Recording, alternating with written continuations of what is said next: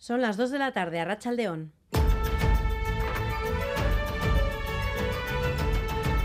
Crónica de Euskadi con Irache Martínez.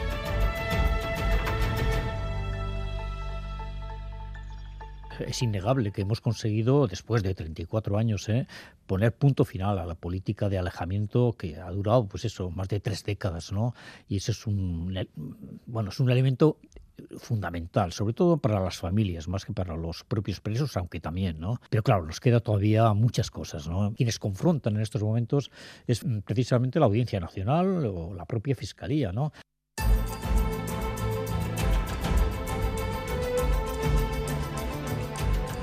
Son las razones que el portavoz de Sare, Joseba Azcárraga, argumentaba esta mañana aquí en Radio Euskadi a modo de llamamiento a participar tras dos años de parón por la pandemia en la manifestación que arrancará a las 5 de la tarde desde la Plaza de la Casilla en Bilbao a favor de las personas presas, porque a pesar de que el fin de la dispersión es prácticamente total y de que ha habido avances en esta materia, según Azcárraga, las últimas revocaciones de terceros grados por parte de la Fiscalía y algunos jueces hace que estos presos sigan en una situación de excepcionalidad. A lo largo de este informativo les hablaremos también de varios sucesos ocurridos en las últimas horas.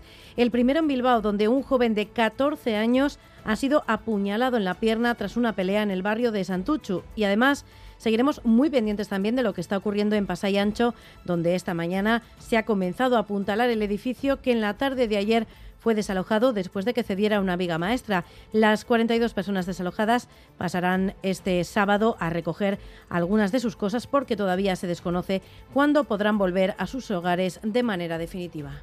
Nos han dicho que no es tan grave como parecía y que, bueno, pues que parece ser que tiene solución y, nada, así que contentos. Nos han dicho más o menos que igual en 3-4 días, pero que hoy podremos coger así las cosas como más fundamentales, lo que más nos hace falta y, y bueno. Y hoy además recuerden que es primer día de rebajas. Enseguida nos acercaremos a uno de los núcleos comerciales de Euskal Herria para ver cómo se están desarrollando estas primeras horas. Y vamos ya con la actualidad deportiva. John Zubieta, a Rachaldeón. Hola, hace unos minutos se ha procedido al sorteo de los octavos de final de la Copa del Rey con estos emparejamientos para los equipos vascos, Real Sociedad Mallorca, Atlético Español, Betis Osasuna, a la vez Sevilla. El resto de emparejamientos ha quedado así: Ceuta Barça, Levante Atlético de Madrid Sporting Sevilla, Villarreal, Real Madrid y por último Sporting Valencia. Los partidos se van a jugar entre el 17 y el 19 de este mes. Hablamos también de fútbol de la Liga F porque el Alavés ah, se ha medido al Valencia en Ibaya, ha empezado mandando el equipo visitante, pero el Alavés ha reaccionado y se ha llevado el partido de una manera concluyente. Nos informa Raúl Pando. Raúl, adelante.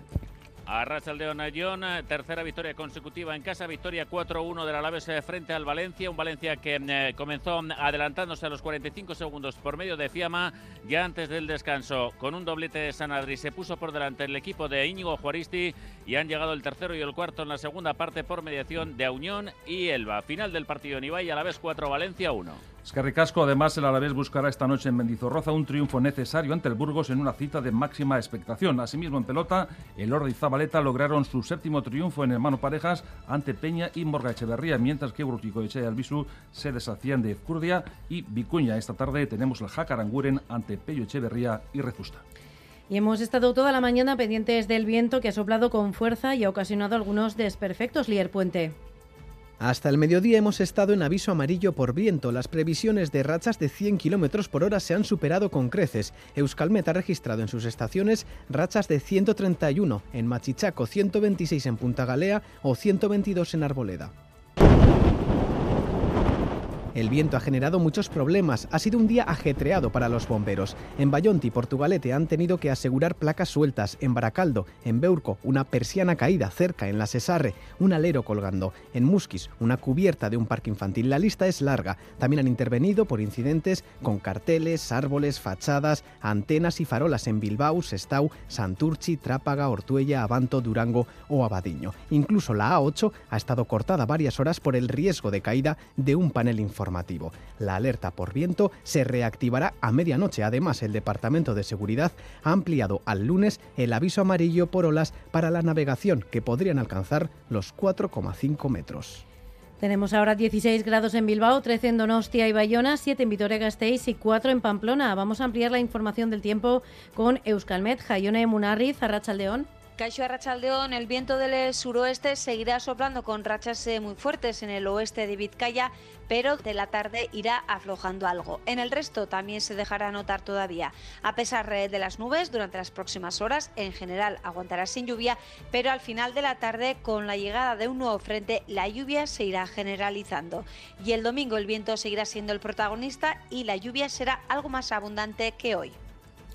En carreteras no tenemos ningún tipo de incidencia, según el Departamento de Seguridad. Aunque les damos, eso sí, un aviso para las personas usuarias de Bus. El Comité de Empresa de Busturialdea, Leartiba y Bus SA, ha convocado paros parciales para hoy hasta las 3 menos cuarto de la tarde y de 6 y cuarto de la tarde a 10 y media de la noche. Así que ténganlo en cuenta si tienen pensado utilizar las líneas que cubren Busturialdea y Lea Artibay. En el control técnico, Joseba Urruela, Jesús Malo y Javi Martín. Son las 2 y casi 6 minutos de la tarde. Comenzamos. Crónica de Euskadi con Irache Martínez.